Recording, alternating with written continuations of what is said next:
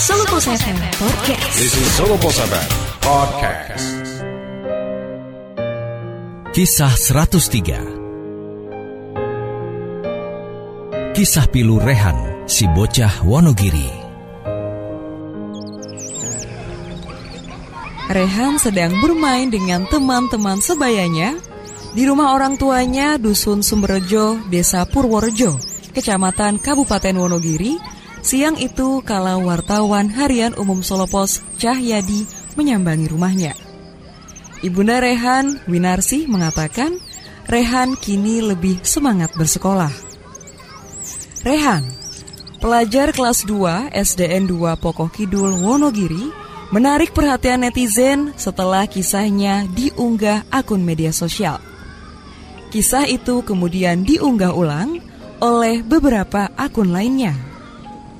Kisah bocah 9 tahun bernama lengkap Rehan Ain Alenehet itu terungkap berkat guru sekolahnya, Anis Susilo Nugroho.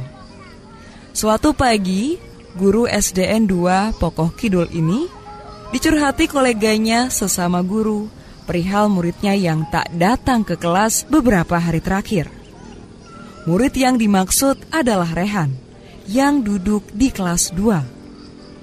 Susilo berinisiatif menyambangi rumah Rehan yang berjarak sekitar 2 km dari sekolah. Ceritanya saya itu pas ngajar di jam olahraga kan saya nggak ada jam di kelas nih. Eh, bu gurunya itu Bu Emily itu sambat, Pak ini kan nggak masuk lagi ya.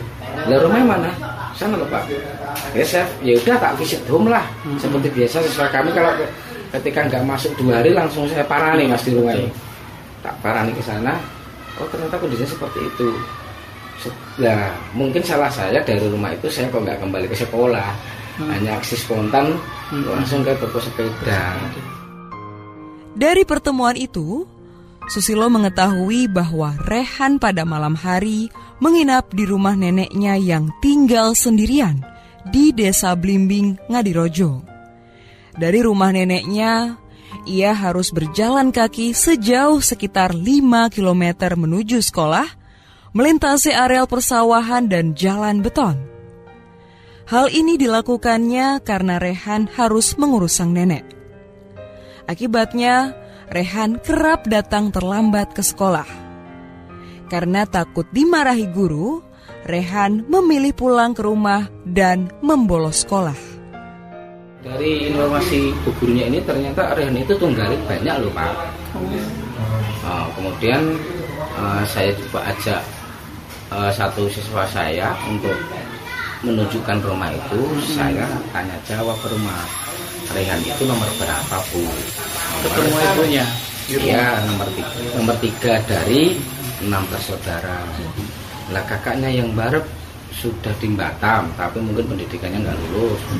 Yang nomor dua di kelas 5 SD Purworejo. Terus si Rehan ini kelas 2 di sini dulu kemarin tinggal kelas. Itu. Nah, per- akar permasalahannya kenapa tinggal kelas ya mungkin karena ini. Rehan sebetulnya punya sepeda untuk menunjang aktivitasnya sehari-hari. Namun, sepeda itu rusak dan orang tuanya tidak punya uang untuk memperbaikinya. Hati sang guru tersentuh melihat kondisi Rehan.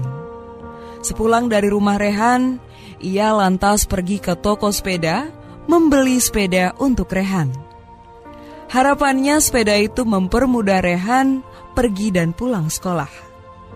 Pemilik toko sepeda yang tahu maksud baik Susilo bahkan memberikan diskon besar untuk sepeda Rehan.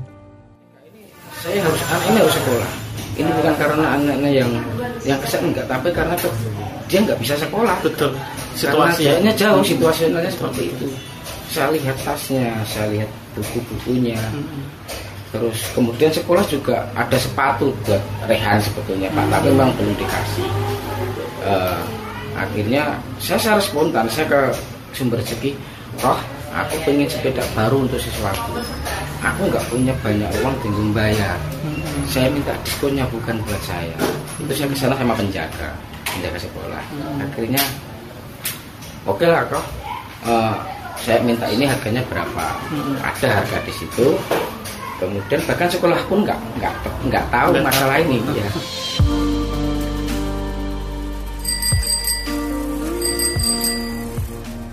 Senyum riang Rehan menjadi momen paling mengharukan saat Susilo memberikan sepeda itu kepada Rehan.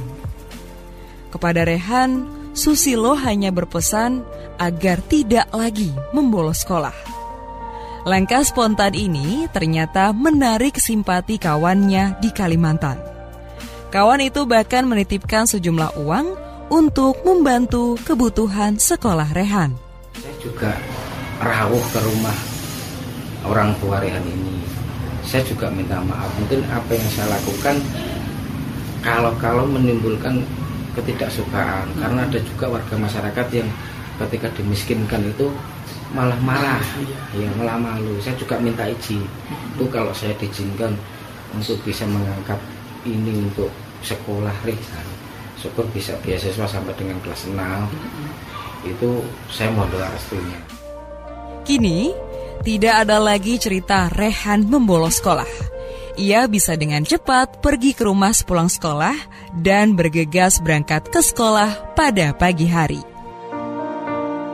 Kisah 103 Hanya di 103 Solo Pos FM.